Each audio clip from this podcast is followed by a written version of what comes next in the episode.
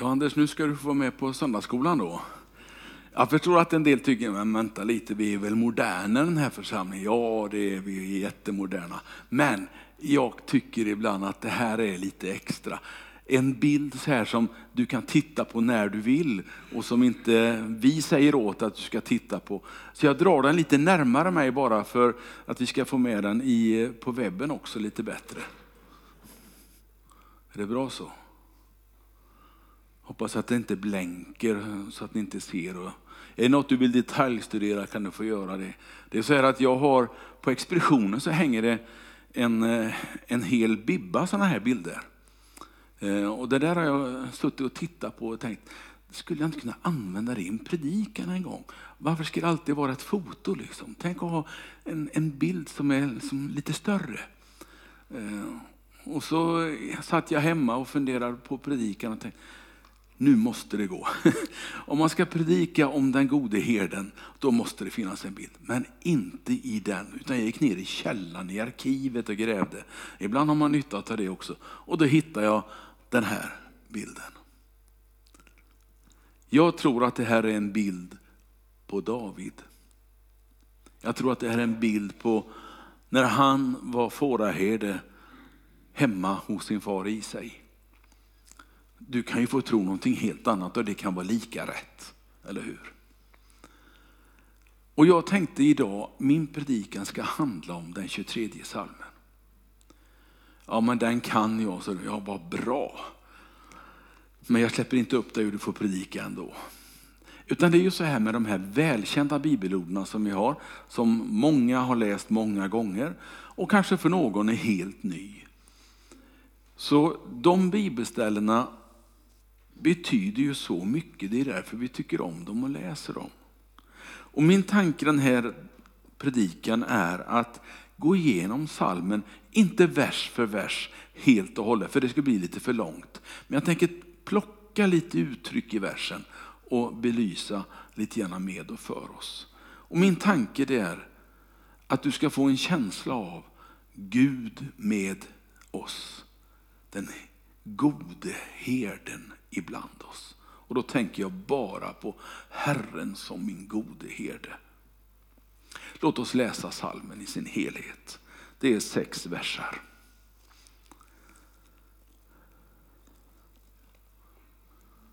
Det kommer, ja, ja det är lugnt, jag har ingen panik. Hoppas inte ni har det heller.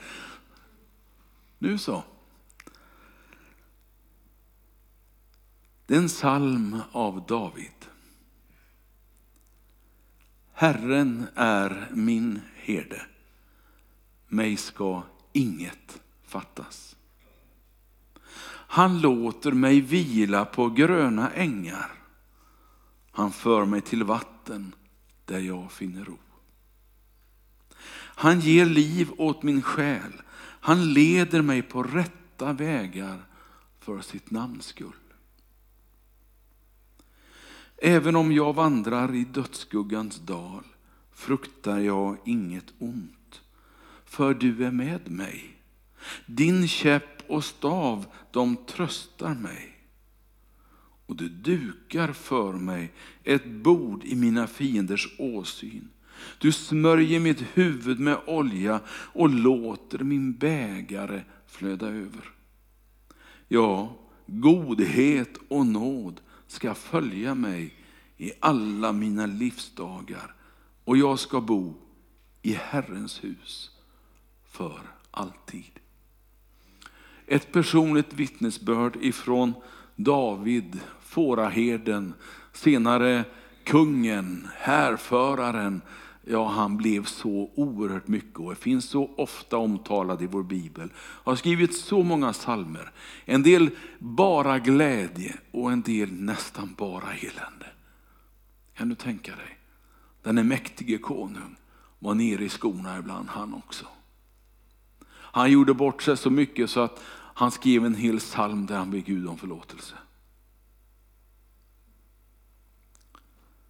Men här tror jag att David vill hjälpa oss att förstå att Gud är med. Lite av det ömkligaste som finns, det är nog ett helt ensamt får ute på en äng.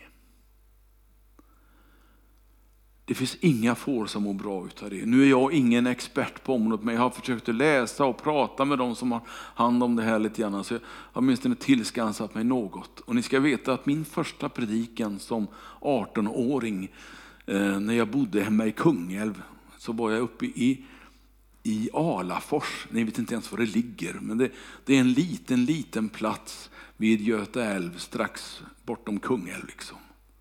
Och där höll jag en predikan om den 23 salmen som höll på i 50 minuter. Och att de inte slängde ut mig, det, det är en gåta. Men de var, de var vänliga och förstående för den unga pojken som skulle predika för dem och som sen skulle bli pastor så småningom. Så det var ingen som sa någonting och inte somnade de heller utan de satt och nickade och var så snälla. Och jag har beundrat dem sen den dagen. Förmodligen är det inte många kvar för de var ganska till åldern komna allihopa som var med där. Men det blir inte det idag. Eh, och därför så tar jag inte heller upp hela salmen utan jag kommer att eh, saxa lite grann. Och jag tänker inte säga allt om det som jag eh, har valt ut heller. För det finns så mycket rikedom i det här. Nåväl. Får rymmer gärna. Får och kor de är omöjliga. Finns det en chans så drar de. Jag har jagat mycket kor i min ungdom ute i buskarna och ute i skogen. Eh, och en del får också för den delen.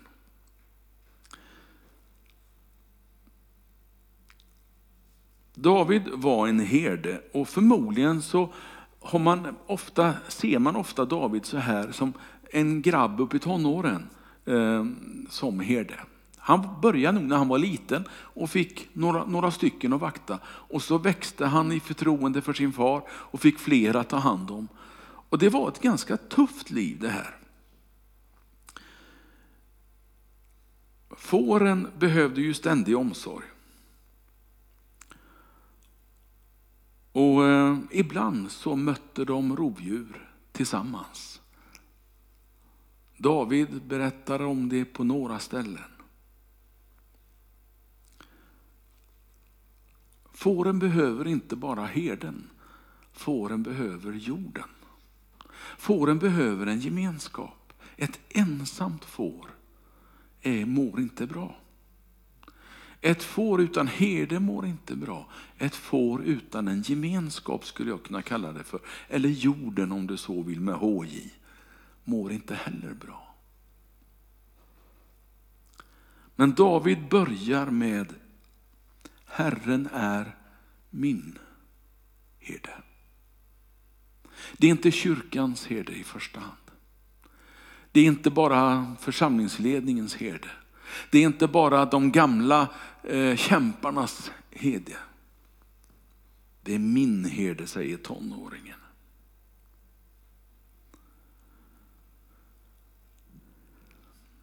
Miljön där David jobbade var som sagt ganska tuff.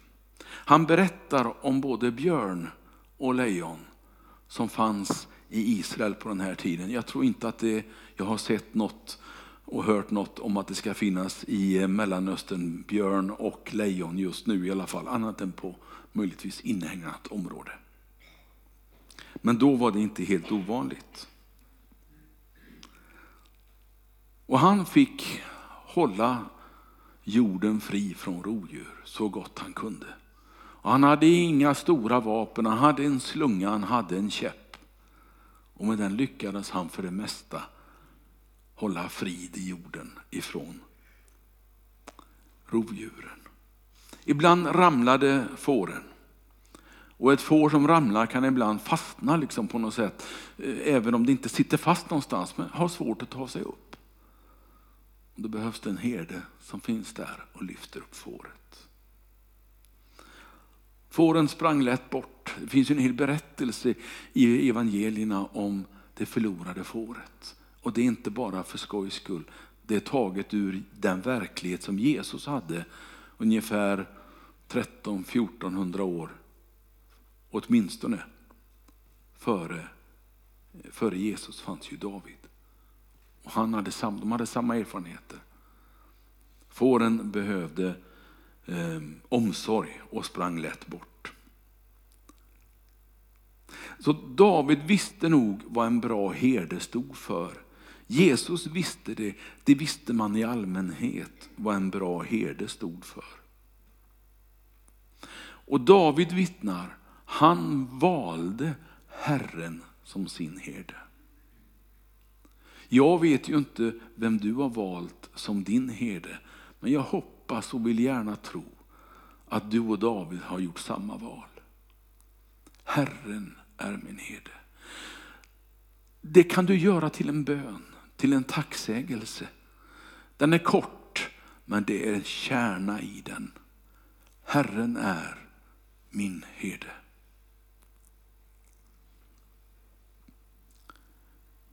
Herden, säger Jesus, gav allt för fåren. Det är Jesu eget vittnesbörd. Han berättar om det och han uttrycker det väldigt starkt. Ute i nattens kyla var de. Kommer ni ihåg berättelsen när Jesus föds? Det berättas om, om jordarna utanför Betlehem där herdarna var. Och det var säkert både kallt och ursligt. Jag och Ingrid var nere i påsktid för så många år sedan, jag orkar inte räkna. Men då snöade i Jerusalem. Så de som hade bara sommarkläder på sig, de frös ganska rejält. Det kan bli ganska kallt i de här trakterna. Och lika kallt som det kan vara ibland, lika hett kan det bli på dagarna.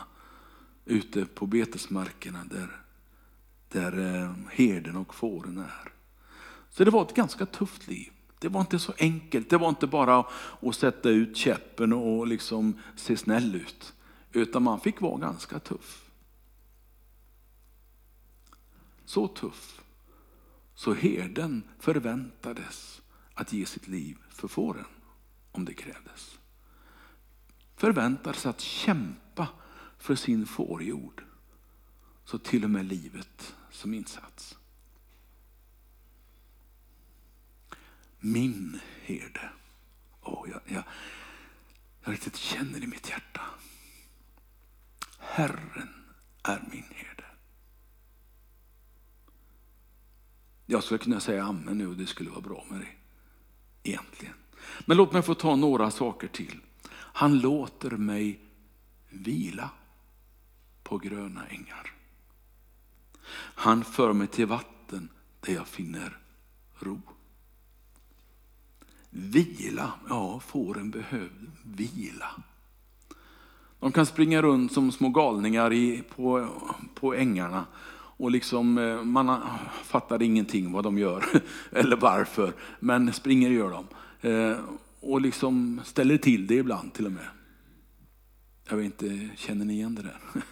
Ibland kan man undra vad man gör, håller på med och ibland så ställer man till med saker och ting. Men de behöver vila. Till och med Gud beskriver att han behövde vila. Har du läst första Mosebok, de första kapitlen, så skapar han världen enligt den beskrivning och, och, och den eh, berättarkänsla som bara Bibeln kan ha. På en dag, två dagar, tre, fyra, fem, sex dagar tar det. Och på den sjunde dagen, efter att ha konstaterat, åh vad snyggt, åh vad bra, åh vad gott det där blev så vilade Gud. Jag vet inte om han behövde det, jag har ingen aning. Men jag tror han gjorde det som ett exempel för oss. Jag tror att han gjorde det för att han ville visa dig och mig, sin skapade krona, människan. Ni måste vila ibland. Han gav människan vilodagen. På sex dagar ska du jobba. Men på den sjunde dagen så vila något lite. Ta det lite lugnt. I vårt gamla testamente så kallas den sjunde dagen för sabbaten. För dem, blev, eller för dem kallar vi också den dagen lördag. Jag har ingen aning vad man säger i, i eh, judiskt på hebreiska, men, men det är en sabbat. Alltid. Lördag är en sabbat. Det är deras vilodag. Och när man kommer in i nya testamentet så kan man ju undra varför höll man inte fast vid det? Jo, vilodagen höll man fast vid, men man ville inte störa sabbaten. För de flesta i den första kyrkan var ju judar. Så de höll sabbaten för att inte skapa oro, för att inte ställa till det. Men så sa de, vi måste få träffas på hans uppståndelsedag, söndagen. Och så började kyrkan fira gudstjänst på söndagarna. Och det har vi gjort i drygt 2000 år vid det här laget. Så det där med vila, det är ingenting som vi har hittat på bara för att det behövs så förskräckligt väl mycket vila idag. Och för att vi är så undernärda på vila idag. Det har Gud hittat på för länge sedan. Det är bara att vi har glömt bort det ibland. Vi glömmer bort det ibland. Och istället får vi stress. Istället mår kroppen dåligt, själen mår dåligt. Hela du mår dåligt om du inte vilar regelbundet. Det, det, går inte bara att planera in almanackan en gång i månaden eller på, tre veckor på sommaren eller något sånt där. Du behöver regelbunden vila.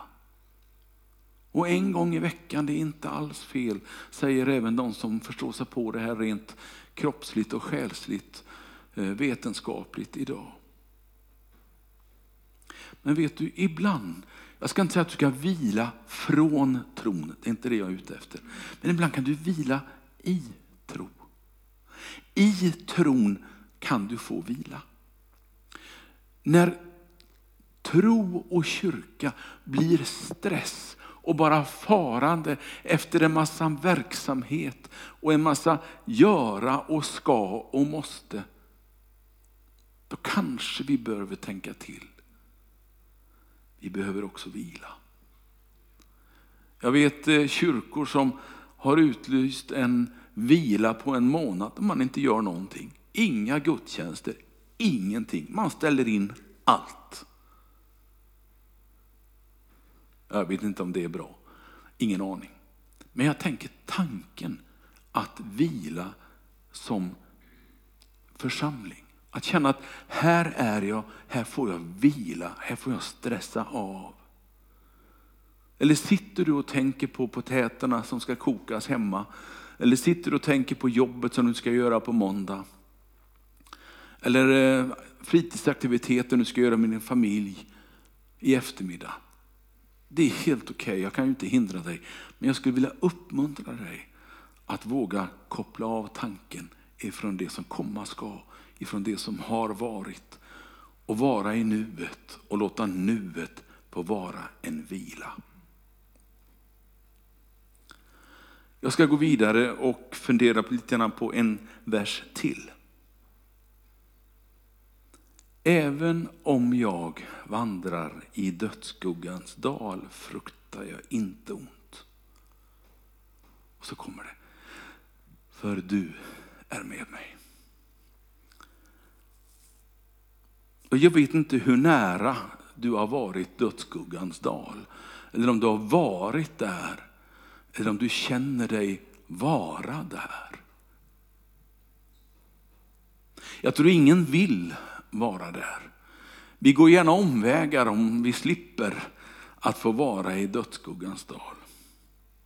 Men det är inte alltid du och jag som bestämmer. Ibland är det någon annan som bestämmer. Ibland är det en sjukdom som bestämmer. Och ibland får vi genomleva dödsskuggans dal. En del gör det bokstavligt just nu.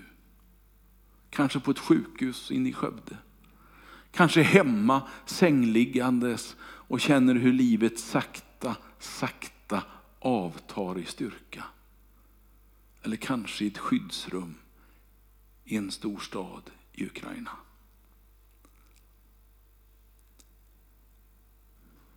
Hur ska vi hantera dödsskuggans dal? För så länge vi är människor så hamnar vi ju där förr eller senare. Det är ju Bibelns vittnesbörd. Vi ska alla leva och en gång dö. Ja, säger du, om inte Herren kommer tillbaka. Ja, tack för att du la till det. Eh, det är helt riktigt. Men som jag ser det så, så ska vi nog prata om just nu i alla fall att alla är vi destinerade att faktiskt leva och en gång dö. Men då säger Bibeln också, frukta inte när den dagen kommer. För herden är med dig. Frukta inte när den dagen kommer. För Herren är min herde även då. Jag kanske inte får det enklare fysiskt sett. Det kanske inte blir mindre sjukdom. Det kanske inte blir mindre oro. Men på något sätt så kan min inre värld ändå få fyllas av hans närvaro i uttrycket min herde. Min Herre. Man liksom omsluter den tanken och då tror jag vila inträder. Frukta inte få liv. Och det blir starkare än det som kan vara utanför och det som kan vara omständigheter. Vi börjar närma oss slutet på det här fantastiska kapitlet. Men jag har några saker som jag skulle vilja eh, ta till, ett par stycken. Vers 6 så står det, ja, godhet och nåd ska följa mig i alla mina livsdagar. Det stod inte att det skulle vara problemlöst. Eller hur? Det är viktigt att vi aldrig förkunnar det och tror det. Att, att eh, blir jag tillräckligt helig, blir jag tillräckligt god, mycket gudstjänster och mycket gåvor och vad det nu kan vara som kan vara bra. Du kan aldrig göra så att du blir förtjänad utav nåden och godheten. Utan den följer dig i alla dina livsdagar när Herren är din herde. Vad är godhet och nåd? Ja, jag, är, jag tror att det här är ett uttryck som David bara tar med sig för att visa på Guds närvaro. Men någon har faktiskt förkunnat det här uttrycket ungefär som att det här är Guds två vallhundar runt sin jord. Och eh, strax innan gudstjänsten idag så pratade jag med några av mötesvärdarna och sa att ja, nu är klockan snart tio, jag går väl in, ska ni eh, valla in folk nu då till gudstjänsten? Och så log vi lite grann, det går ju inte, eh, utan ni kommer ju när ni kommer naturligtvis. Men det finns, det finns en, en viktig sida i det här tror jag. Det finns någonting som Gud har gett oss, godheten och nåden som följer de troende från Davids tid, Davids dagar och ända fram i vår tid. Och får mänskligheten några eh, år och några dagar och några, ja ni vet, en viss tid ytterligare så kommer godhet och nåd att följa den som proklamerar Herren är min herde. Och det är inte bara en godhet och nåd som du får och som du ska gömma innanför västen och känna, åh nu mår jag riktigt bra. Utan det är en godhet och nåd som du ska vara med och dela med dig av till andra. Godhet och nåd skulle följa och vakta jorden. Har du sett riktiga såna här fårhundar, vallhundar i funktion? Det är bara helt enormt fantastiskt att se. De är vältränade och de följer minsta vissling som herden säger så far de. Det är jag som skrapar med, med min skäggstubb eller vad det nu ja. Eh, så får de order att göra. De kan lägga sig blickstilla på marken. Och de kan vara alldeles i haserna på någon tacka som är lite långsam. Eller något lamm som drar iväg. Men aldrig biter de. Aldrig är de elaka. Utan de älskar sitt jobb. Och fåren respekterar, de respekterar varandra på något sätt. Som två delar av samma sak. Och så lyder de herden tillsammans. Och kanske att det här skulle kunna få vara en församlings ledord. Vi vill vara goda och nådefulla. Vi vill använda godhet och nåd i vår verksamhet. Det måste inte vara visionen, eller, men jag bara tänker, kan det, kan det finnas med när du tänker kyrka? Goda människor fulla av nåd. Nådefulla människor fulla av godhet. Det vore någonting vackert. Sista versen så. Att få bo i Herrens hus. Ja, det står godhet och nåd ska följa mig alla mina livsdagar och jag ska bo i Herrens hus för alltid. David fick inte by, bygga Herrens hus som han önskade, men hans son Sa, eh, oh, Salomo, Saul det var pappa, det var en helt annan grej. Saul.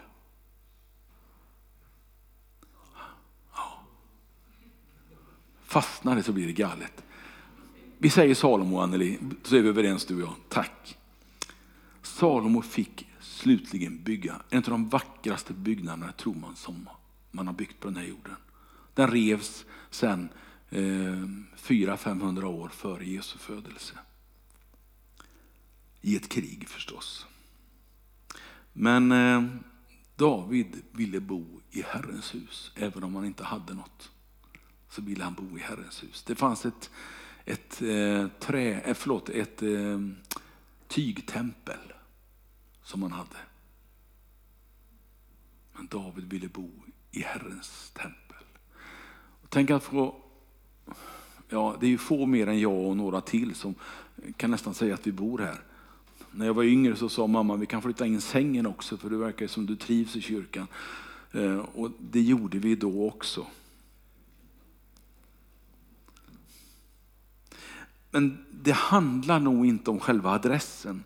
Det handlar om att vara i Guds närhet. Det var precis där jag började. Att vara i Herrens närhet för alltid. Och faktiskt, jag tror att det är så, för alltid. Jag kan få vara det här på jorden när jag lever.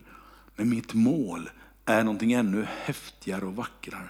En himmel där Gud är och där jag får vara för evigt kan man också säga. Han ville bo där, han var trött på att flytta runt. David hade flytt inom sitt land på grund av en elak kung. David hade kämpat med arméer. David hade, han visste vad det var att inte bo på ett och samma ställe. Men hans önskan det var, jag vill bo i Herrens hus, alltid.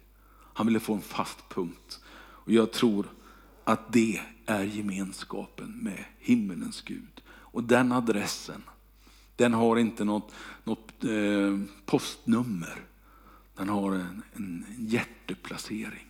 Det är här Herren bor i ditt hjärta.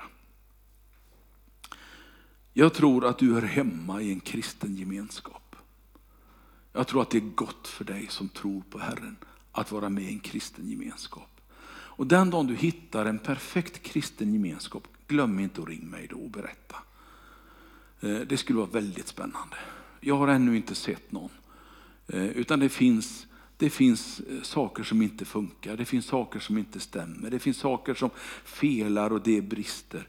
Men det är inte därför jag är med i en församling. Utan jag är med i en församling för det är där jag får den kristna gemenskapen. Det är där Jesus har bett mig att finnas för att hjälpa mina medmänniskor, få hjälp av mina medmänniskor. Jag har provat bägge två sakerna. Jag har varit i stort behov av hjälp och fått det. Vi har fått det som familj när barnen har legat på sjukhus, när de var yngre. Det är jättelänge sedan det också. Det är mycket som är jättelänge sedan i mitt liv nu, men så är det. Och vi fick så mycket hjälp så att när jag tänker på det så blir jag rörd varje gång. Och jag kan bara gå ett par år tillbaka i tiden och uppleva precis samma sak. Hur ni stöttade mig när jag själv låg på sjukhus. Jag tror att det här, det här är liksom kärnan i en gemenskap. Att stötta och hjälpa varandra så ofta vi kan. Har du gjort ditt val? Jag vill så gärna tro det. Jag vill så gärna tro att eh, du kan uttrycka det Herren är min herde. Ja, men säger hur gör jag det? Ja, säg det. Herre, var min herde. Herre, bli min herde. Herren är min herde. För han har lovat att vara med dig alla dagar. Alla sorts dagar. Alla dagar utan undantag. Skottdagar som vanliga dagar. Alla dagar vill han vara din herde. Som David var herde för sina får. Amen. Herre, så tackar jag dig, lovprisar dig. För nåden att få tillhöra en gemenskap av troende människor. Människor som har uttryckt att du är vår herde. Människor som sätter sin tillit i dig. Som hämtar kraften i dig. Som lever för dig. Herre, välsigna oss alla den här stunden. Och låt oss få uppleva tryggheten i att du är församlingen och våran herde. Amen.